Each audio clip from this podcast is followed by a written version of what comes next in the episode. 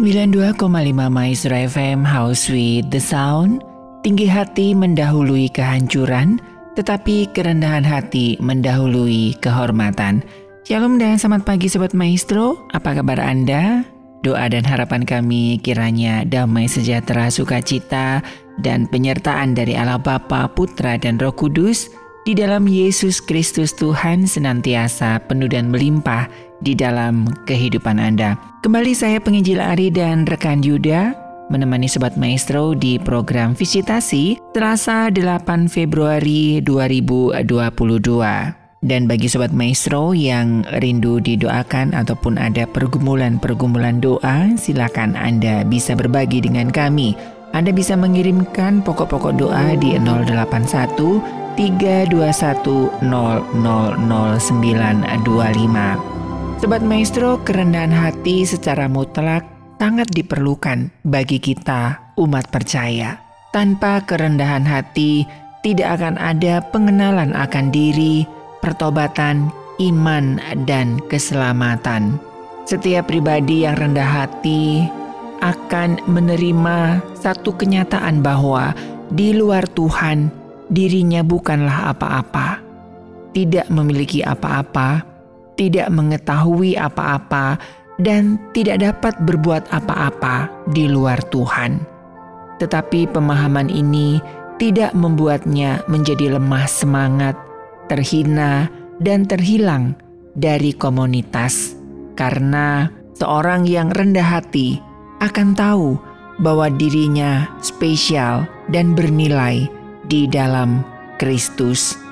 Ia juga tahu bahwa ia berharap kepada Tuhan lebih dari biji matanya sendiri, dan ia juga tahu bahwa ia dapat melakukan segala sesuatunya melalui Kristus yang memberikan kekuatan.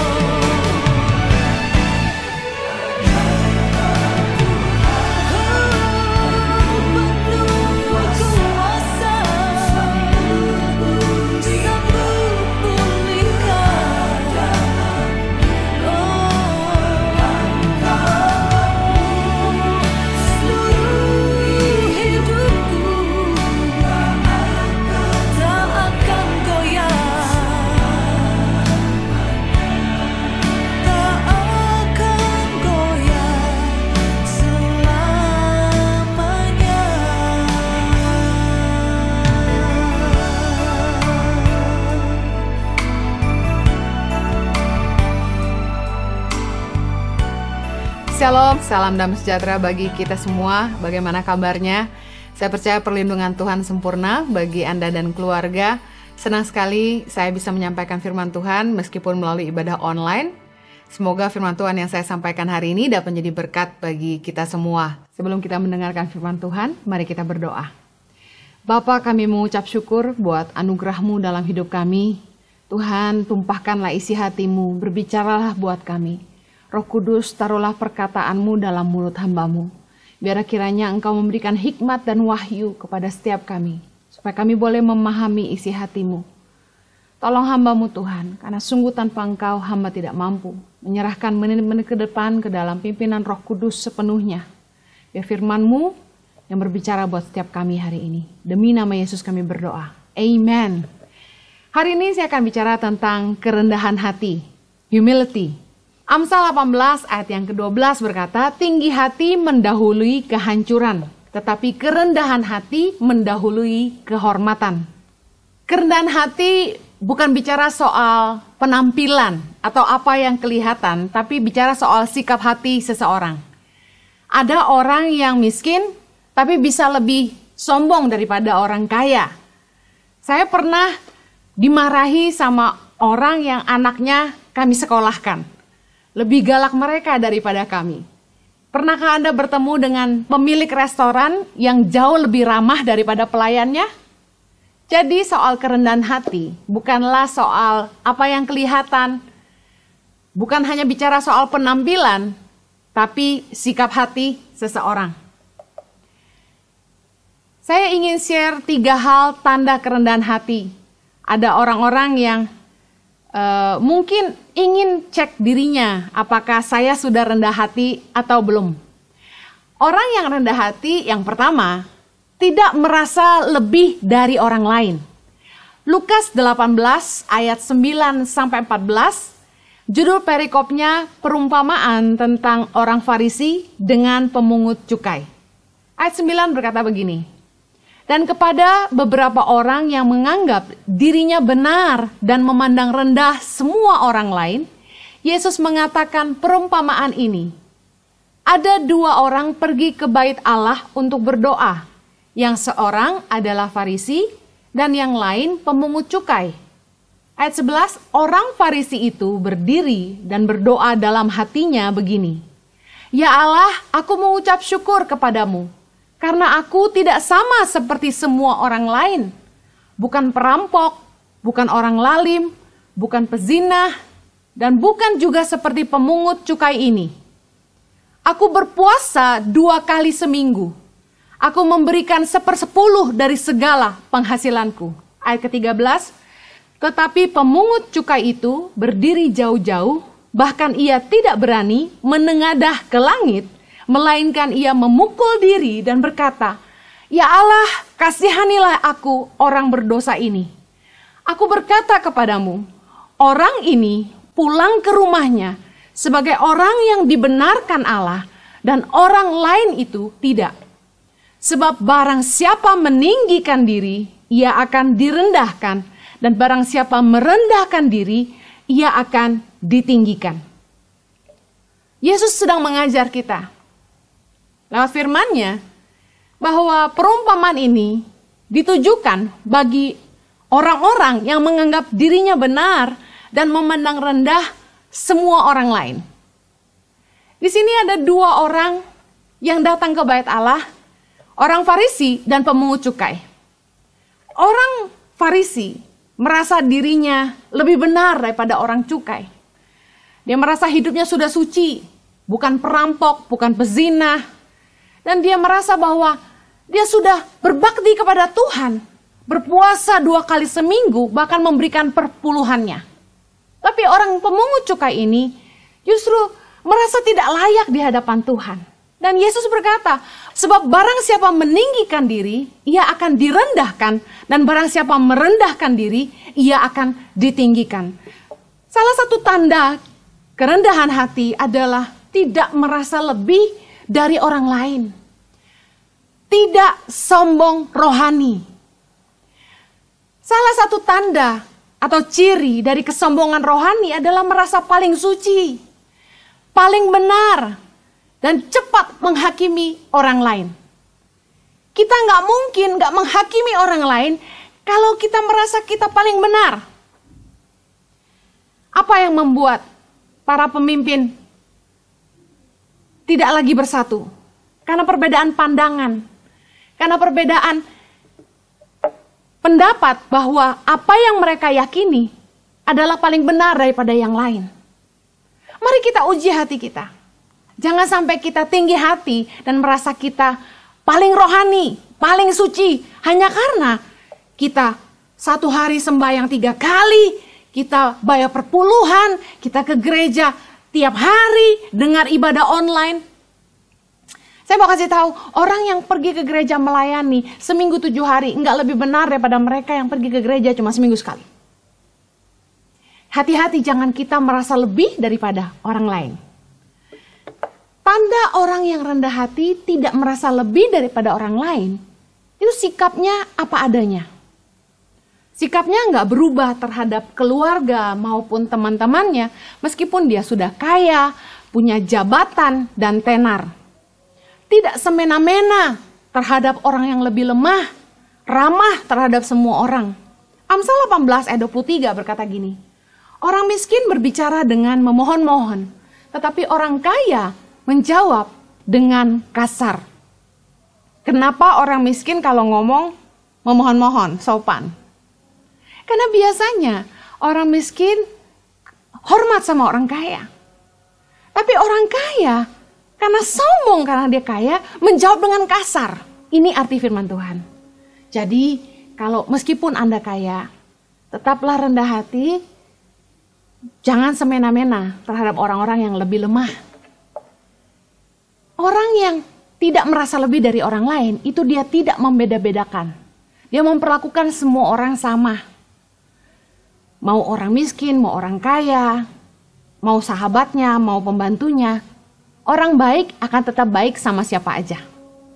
Yakobus 2 ayat 1 bicara soal sebagai orang beriman, kita tidak boleh memandang muka. Tanda kerendahan hati yang kedua adalah mau mendengarkan masukan. Mau ditegur. Yakobus 1 ayat 19 berkata, Hai saudara-saudara yang kukasihi, ingatlah hal ini, setiap orang hendaklah cepat untuk mendengar, tetapi lambat untuk berkata-kata dan juga lambat untuk marah. Amsal 15 ayat yang ke-12 berkata, si pencemooh tidak suka ditegur orang, ia tidak mau pergi kepada orang bijak. Orang yang rendah hati itu mau terima teguran. Mau menerima masukan dari orang lain. Khususnya hal-hal yang memang berguna untuk membangun dirinya sendiri. Orang yang rendah hati mau mengakui kesalahan dan berubah.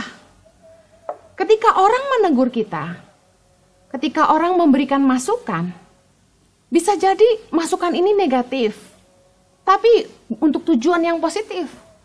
Ada juga orang-orang yang memberikan masukan yang negatif karena mereka iri hati. Tapi saya selalu berusaha melihat setiap masukan itu begini. Apakah masukan ini membangun? Apakah masukan ini akan membuat saya lebih baik? Kalau masukan itu melemahkan, ya kita nggak perlu dengarkan. Tapi kalau masukan ini untuk mengoreksi kesalahan kita, karena kadang-kadang kita nggak bisa lihat kekurangan kita. Kita butuh orang-orang di sekitar kita untuk kasih tahu kita kekurangan kita. Kita butuh cermin untuk bisa melihat apa yang salah di wajah kita. Sahabat-sahabat kita, orang tua kita, mentor kita, orang-orang di keluarga kita adalah orang-orang yang terbaik yang bisa jadi cermin buat hidup kita. Khususnya kalau kita nggak mau munafik, kita mau diberitahu supaya kita menghidupi apa yang kita ajarkan, kita menghidupi apa yang kita percayai. Amsal 11 ayat yang kedua bilang gini, Jikalau keangkuhan tiba, tiba juga cemooh. Tetapi hikmat ada pada orang yang rendah hati. Artinya gini, Ketika ditegur, orang yang sombong itu malah bales mengata-ngatai orang yang memberi masukan. Tapi orang yang rendah hati selalu bisa belajar dari setiap masukan. Dikasih tahu malah, bukan urusan kamu. Dikasih tahu baik-baik malah, urus dirimu sendiri. Dikasih tahu baik-baik malah, marah sama orang yang memberi masukan. Pernah satu kali kejadian, saya menegur salah satu staf kami dan reaksinya malah sakit hati. E, katanya saya sembarangan ngomong dan bikin sakit hati. Saya datangi anak muda ini dan bilang, saya minta maaf kalau omongan saya membuat kamu terluka. Tapi apa yang saya beritahu adalah kebenaran tentang sebuah kesalahan yang dia lakukan. Kalau kita rendah hati, kita nggak cepat bereaksi negatif ketika orang memberikan saran. Harusnya ketika kita mendapatkan masukan, kita lakukan begini, introspeksi diri. Apakah yang disampaikan orang itu benar adanya? kita lakukan. Istilahnya gini, jangan marah kalau orang jelek-jelekin kita. Masalahnya jangan sampai kita memang melakukan apa yang mereka katakan. Tapi kalau orang tegur kita, pertama kita harus introspeksi diri, yang kedua kita harus belajar jadi lebih baik. Saya ingat dulu saya pernah punya pemimpin orang Amerika yang menegur saya dengan sangat keras.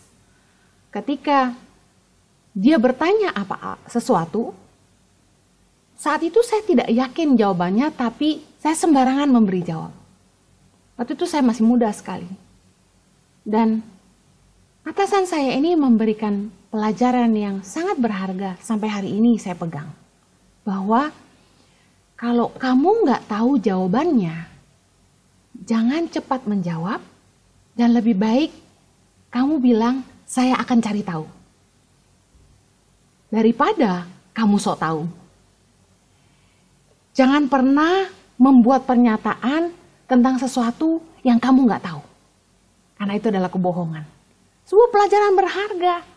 Tapi sering kali kita sakit hati, kita marah ketika kita ditegur. Karena masalahnya ini namanya teguran belum tentu caranya mengenakan. Atasan saya menegur saya dengan cara yang keras, tapi saya ingat sampai hari ini. Biasanya yang keras-keras itu lebih nancep saudara. Tanda kerendahan hati. Mau diajar, mau mendengarkan didikan orang tua. Amsal 1 ayat 8 bilang gini, Hai anakku, dengarkanlah didikan ayahmu dan jangan menyia-nyiakan ajaran ibumu. 1 Petrus 5 ayat 5, demikian jugalah kamu, hai orang-orang muda, tunduklah kepada orang-orang yang tua, dan kamu semua rendahkanlah dirimu seorang terhadap yang lain, sebab Allah menentang orang yang congkak, tetapi mengasihani orang yang rendah hati. Anak muda ketika beranjak dewasa, sekolah tinggi, apalagi sampai ke luar negeri, sering kali ketika pulang ke Indonesia menemukan bahwa orang tuanya masih pakai gaya old fashion. Masih pakai cara-cara kuno dalam berbisnis, dalam berdagang. Dan pemikiran orang tua dianggap kuno. Tapi saya mau beritahu gini, orang tua-orang tua kita yang sudah jauh lebih tua telah membuktikan kesuksesan mereka dengan cara-cara mereka. Hanya ki karena kita sekolah lebih tinggi, dan jangan lupa mereka yang sekolahin kita, dan kita yang sudah pernah tinggal di luar negeri, jangan sampai kita pulang dengan attitude merendahkan orang tua kita. Karena mereka lah yang telah menghantar kita ke tempat di mana kita ada hari ini. Tapi sering kali pada kenyataannya, kita sering kali merasa orang tua kita salah.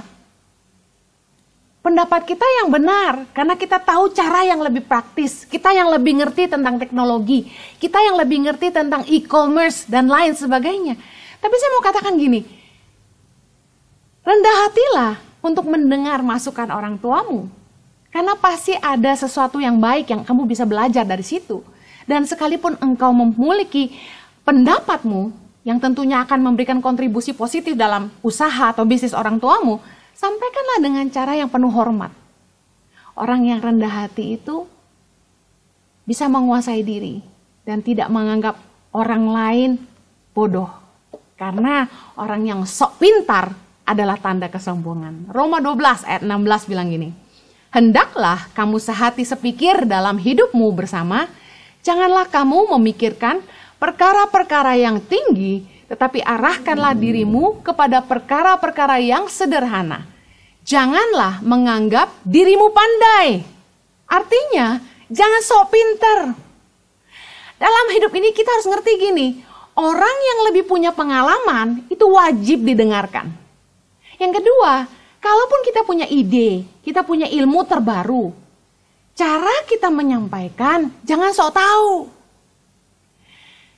Dan saya percaya kalau kita merasa sok pintar, itu merupakan sebuah kesombongan yang pasti akan membuat kita selalu menolak masukan, menolak kritikan. Tapi saya sarankan, belajarlah menghargai pandangan orang lain karena semua orang pasti punya kelebihan, semua orang pasti punya sudut pandang yang berbeda, yang kalau kita dengar bisa memperbaiki sudut pandang kita yang cuma melihat dari satu sisi aja. Yang terakhir, tanda kerendahan hati adalah mau bekerja sama. Unity takes humility. Kesatuan membutuhkan kerendahan hati. Filipi 2 ayat yang ketiga dengan tidak mencari kepentingan sendiri atau puji-pujian yang sia-sia. Sebaliknya, hendaklah dengan rendah hati yang seorang menganggap yang lain lebih utama daripada dirinya sendiri. Bahkan dalam rumah tangga, suami istri kalau mau bersatu harus belajar menghargai kelebihan tapi juga menerima kekurangan pasangannya. Untuk bersatu membutuhkan kerendahan hati untuk mengakui bahwa saya kurang di sini, pasangan saya punya kelebihan itu. Saya sama Jojo di awal-awal e, merintis pelayanan kami, kami sering kali clash karena kami berdua betul-betul berbeda, selalu melihat segala sesuatu dari sudut pandang yang berlainan, punya pemikiran sendiri, dan sulit sekali untuk menyatukan pikiran kami, pandangan kami. Dan ketika saya dan Jojo mulai menyadari kekuatan kami masing-masing, kami mulai menempatkan diri kami di posisi di mana kami kuat di situ. Saya kasih contoh. Dibutuhkan kerendahan hati. Untuk saya mengakui bahwa Jojo punya kekuatan konsistensi. Jojo punya kekuatan membangun hubungan. Jojo punya kekuatan untuk meyakinkan orang. Oleh karena itu, saya memberikan ruang di dalam pelayanan kami di Yayasan Tangan Pengharapan untuk urusan sehari-hari, doa pagi dengan staf, uh, meeting rutin dengan staff setiap hari itu dipimpin oleh Jojo. Nah kalau Jojo sudah ada di situ, saya nggak ikut-ikut supaya menghindari perselisihan karena beda pandangan. Karena di situ kekuatan Jojo, saya memberikan ruang buat Jojo di situ. Dia konsisten tiap pagi. Meskipun tidurnya subuh, dia tetap bangun pagi untuk doa pagi dan meeting sama staff. Setiap hari. Saya melihat kekuatan Jojo di hubungan. Oleh karena itu, saya mendorong suami saya untuk jadi pemimpin di Impact Community Indonesia. Saya ingat satu hari dulu seorang teman hamba Tuhan pernah bilang sama saya, Henny, kamu tuh panggilannya bukan gembala. Kamu gak bisa jadi gembala. Dan saya akui, saya bukan tipe gembala. Yes, saya seorang mama yang care sama anak-anaknya, tapi saya orang yang cukup uh, inklusif dalam hubungan. Saya bisa dalam sekali tapi tidak punya teman yang banyak. Sedangkan Jojo temannya banyak dan ramah sekali. Saya punya satu uh, rasa enggan untuk membuka diri terlalu banyak dengan orang banyak. Jadi ketika orang yang saya nggak kenal terlalu agresif mendekati saya, saya mulai bangun tembok. Karena saya orang yang nggak gampang didekati. Hati-hati modelnya. Sebaliknya suami saya mudah sekali dekat dengan siapa aja. Punya teman yang banyak. Saya nggak hafal nama orang, suami saya hafal nama orang. Dan karena dia kuat di hubungan, saya berikan ruang untuk Jojo yang jadi pemimpin untuk menggembalakan Impact Community Indonesia. Saya mendukung saja dari belakang. Untuk bisa bersatu, kita harus menyadari kelemahan kita dan kekuatan orang lain untuk bisa bekerja sama dan mempercayai orang lain untuk melakukan hal yang mereka kuasai dan pastinya mampu mengerjakannya jauh lebih baik dari kita, lebih maksimal dari kita. Seringkali orang ingin tampil, berebutan panggung, no one man show, nggak ada ceritanya. Hanya mau tampil satu orang. Makanya Firman Tuhan bilang jangan mencari pujian yang sia-sia. Kalau ingin bekerja sama, kita harus mengakui Orang itu kuatnya di situ, saya mampunya di sini. Saya nggak mampu di situ, dia mampu. Izinkan orang yang lebih mampu untuk maksimal di situ. Untuk kepentingan bersama. Suami istri harus bisa rendah hati satu sama lain untuk mengakui kekuatan pasangannya. Siapa yang lebih bisa dipercaya dalam mengelola keuangan misalnya. Salah satu kekuatan seorang pemimpin adalah kemampuan mendelegasikan tugas. Nah, pemimpin yang baik mau mengajar atau berbagi ilmu dengan orang-orang yang dipimpin. Tidak hanya sekedar memberi perintah, tapi mengajari bagaimana melakukannya. Ada istilahnya yang pertama, you see me doing it, kamu melihat saya melakukannya. Yang kedua, I do it with you, saya melakukannya dengan kamu. Dan yang ketiga, I see you do it, mengawasi bawahannya melakukannya. Seorang pemimpin yang baik itu harus mau berbagi ilmu dengan orang-orang yang dipimpin. Rendah hati untuk mau mengajari yang lain. Tapi banyak pemimpin yang merasa diri penting. Merasa paling bisa. Dan tidak bisa mempercayai bawahannya.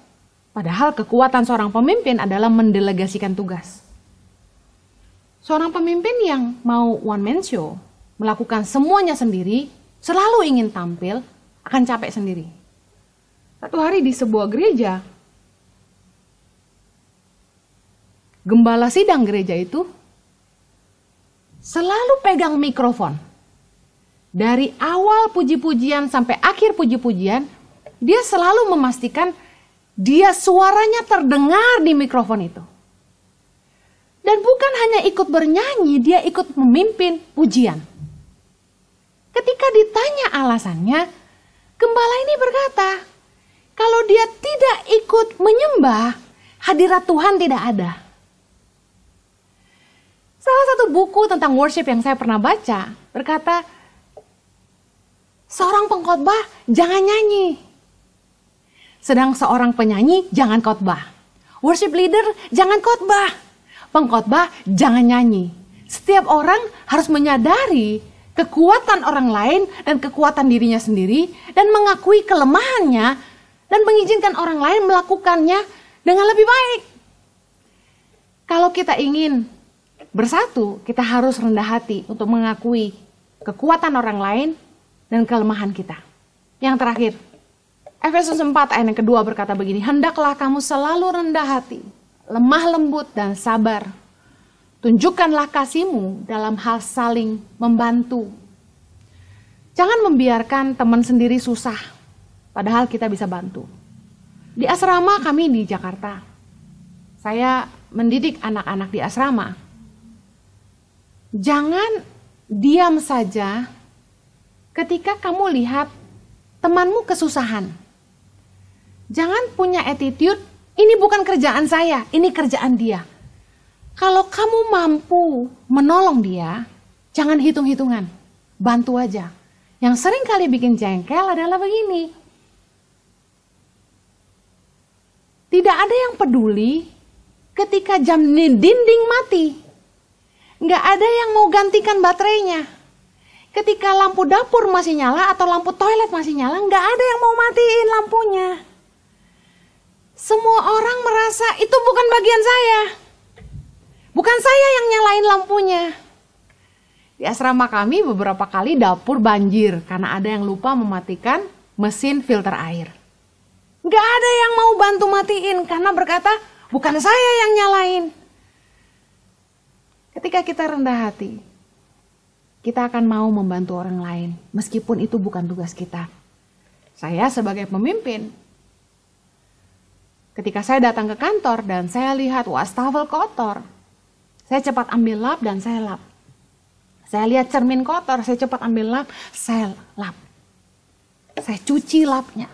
Ketika saya lihat ada tisu di lantai, saya ambil dan saya buang. Apa yang terjadi ketika kita selalu merasa, saya pemimpin, Bagian bersih-bersih tugas office girl. Dibutuhkan kerendahan hati untuk bisa bersatu dan bekerja sama. Amsal 22:4, ganjaran kerendahan hati dan takut akan Tuhan adalah kekayaan, kehormatan, dan kehidupan. Saya berdoa agar setiap kita belajar rendah hati, agar Tuhan selalu ditinggikan dalam hidup kita, karena orang yang rendah hati akan ditinggikan dan orang yang tinggi hati akan direndahkan. Have a blessed week. Mari kita berdoa. Bapak, terima kasih buat firman-Mu yang menegur kami, mengingatkan kami untuk terus belajar rendah hati, untuk stay humble. Terima kasih Tuhan, biarlah kami tidak merasa lebih daripada orang lain. Kami mau mendengarkan masukan dan mau belajar bekerja sama dengan orang lain. Tolong kami supaya jangan sampai kami direndahkan. Nah firmanmu yang berkata, orang yang tinggi hati akan direndahkan, Orang yang rendah hati akan ditinggikan. Kami mau belajar terus rendah hati Tuhan. Seperti Tuhan Yesus sendiri. Berkati umatmu, berdoa agar kasih karunia Tuhan memampukan setiap kami. Demi nama Yesus kami berdoa. Amen.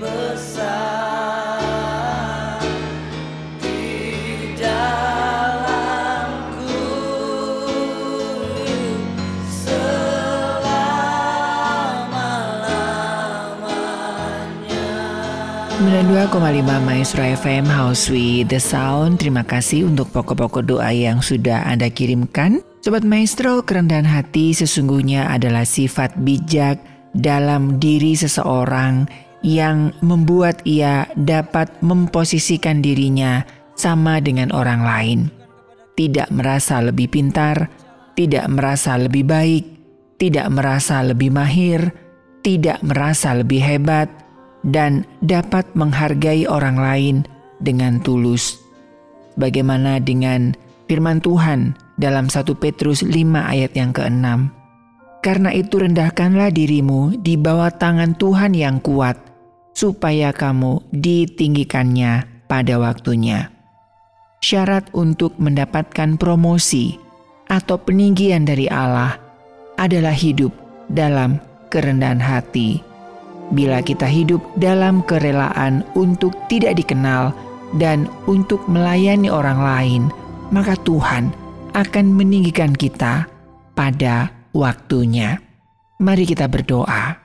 Tuhan yang lemah lembut dan rendah hati, dengarkanlah seruan doa kami pagi hari ini.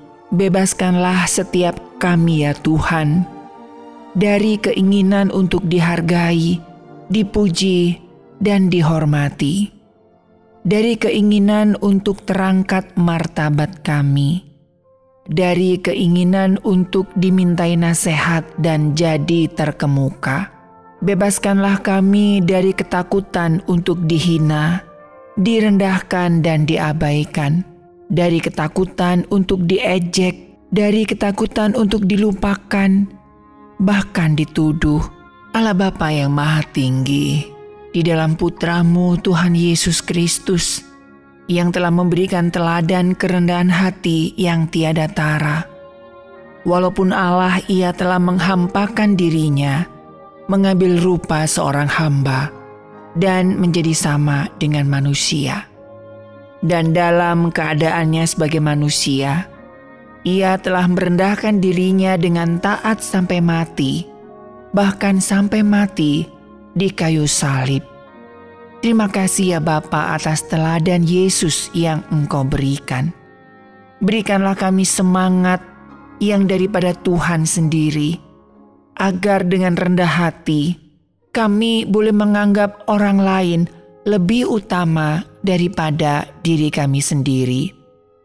Bebaskanlah kami dari kesombongan, dan berilah kami ketabahan, kalau karena namamu kami direndahkan Semoga kami tidak sakit hati kalau kami kurang dihargai atau kurang dihormati, atau kami diabaikan atau dilupakan.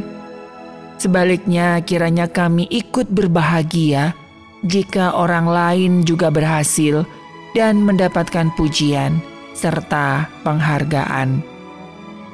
Ya Bapa kami di sorga, jadikanlah hati kami seperti hati Yesus yang lembut dan rendah hati.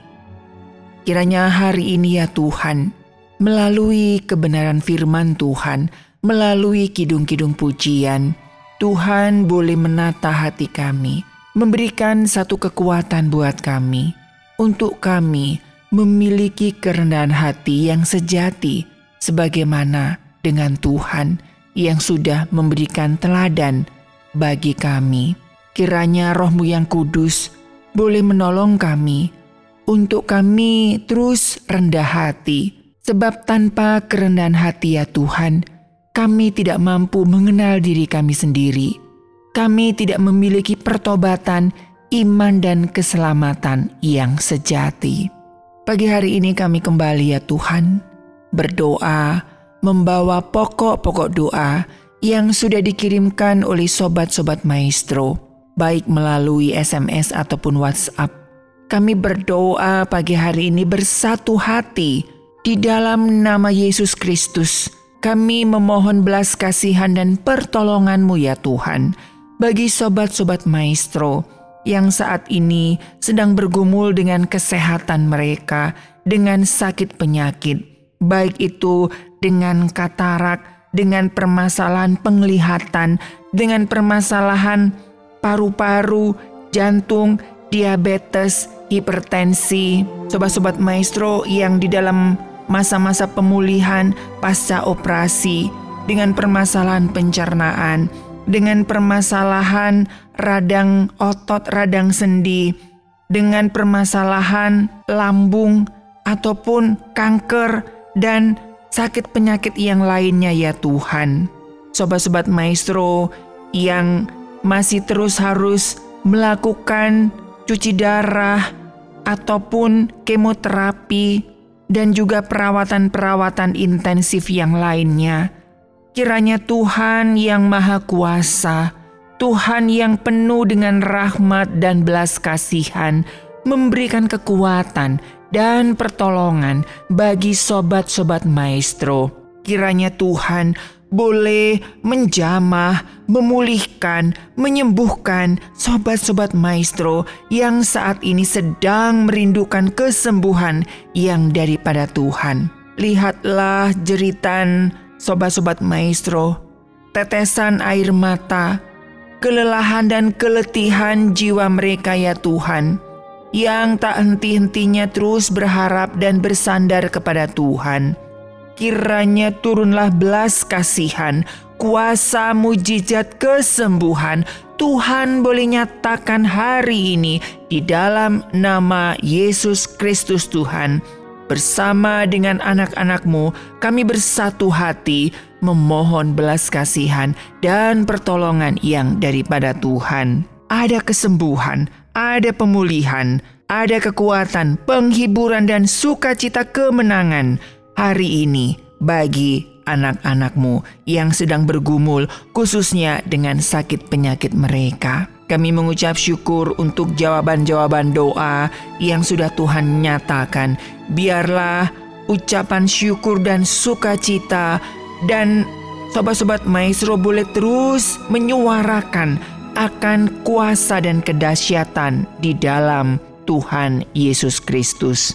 Begitu juga dengan sobat-sobat maestro yang masih bergumul dengan keuangan, dengan perekonomian, dengan usaha, dengan pekerjaan, khususnya bagi sobat-sobat maestro yang sedang mencari pekerjaan, yang sedang mencari tambahan usaha untuk mencukupi kebutuhan biaya keluarga, untuk mencukupi biaya uh, pembayaran kontrakan kos-kosan, untuk pembayaran anak-anak mereka yang sekolah, untuk pembayaran-pembayaran yang lain, untuk pelunasan hutang piutang. Kiranya Tuhan juga boleh membuka jalan untuk sobat-sobat maestro yang mungkin sedang berencana untuk menjual apa pun itu ya Tuhan, baik itu mengontrakkan rumah, menjual ruko, menjual kendaraan, ataupun jual beli yang sedang dilakukan, kiranya Tuhan boleh melancarkan usaha mereka. Pertemukan mereka dengan orang-orang yang tepat, yang daripada Tuhan. Tuhan membuka jalan, membuka berkat bagi sobat-sobat maestro. Begitu juga dengan sobat-sobat maestro, dengan kerinduannya akan pasangan hidup, dengan momongan kami percaya mereka juga adalah anak-anakmu ya Tuhan. Kiranya Tuhan juga menyatakan belas kasihan kepada sobat-sobat maestro yang merindukan pasangan hidup ataupun momongan tepat pada waktunya. Kami terus memberkati anak-anak kami yang mungkin ada yang sebagian online ataupun sebagian onsite, kiranya anak-anak kami tetap memiliki sukacita dan damai sejahtera, menyertai dan memberkati para guru-guru yang mengajar anak-anak yang belajar, kiranya Tuhan melindungi mereka, menjagai mereka dari paparan COVID-19. Kami juga berdoa bagi keluarga-keluarga yang sedang bermasalah entah itu dengan suami istri. Mari ya Tuhan turunkan belas kasihanmu. Berikan roh penundukan diri, kerendahan hati antara suami istri, orang tua, anak untuk boleh saling mengampuni, boleh saling memaafkan sehingga kuasa restorasi pemulihan keluarga boleh terjadi atas keluarga-keluarga ini ya Tuhan. Kami bersatu hati mematahkan setiap kuasa-kuasa jahat yang sengaja dilancarkan oleh kuasa-kuasa iblis di dalam nama Yesus Kristus. Kami menghancurkan, kami mematahkan setiap siasat-siasat iblis yang ingin menghancurkan rumah tangga anak-anak Tuhan di mana pun berada Tuhan boleh menyatukan mereka kembali di dalam jalinan kasih di dalam Yesus Kristus Tuhan. Tutup bungkus keluarga-keluarga ini dengan kuasamu ya Tuhan. Kami juga terus memberkati orang tua kami, para lansia, baik yang bersama-sama dengan kami ataupun tidak bersama-sama dengan kami.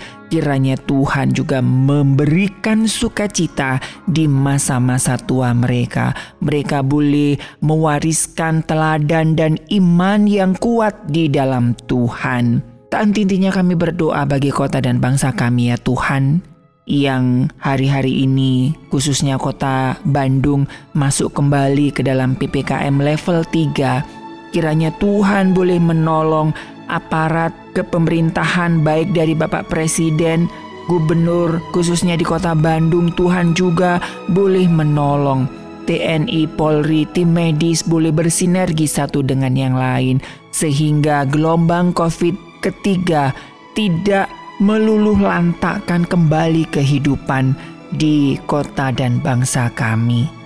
Kami berdoa bagi gereja-gereja Tuhan, hamba-hamba Tuhan, kiranya Tuhan juga boleh memberkati, menolong, dan menopang.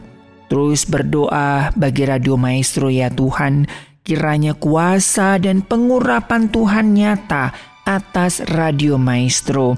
Program-program yang kami rancang dan kami siarkan sepanjang pagi hingga tengah malam, kiranya menghadirkan shalom, menghadirkan kerajaan Allah, menghadirkan hadirat Tuhan, boleh dirasakan secara pribadi bagi sobat-sobat maestro yang lemah boleh dikuatkan, yang sedang berduka Tuhan boleh hiburkan, yang sedang jauh daripada Tuhan boleh Tuhan tarik kembali dan boleh melihat kebesaran Tuhan, memberkati dan mengurapi tim manajemen, memberkati dan mengurapi setiap kru yang bertugas memberkati dan mengurapi setiap alat-alat yang kami gunakan.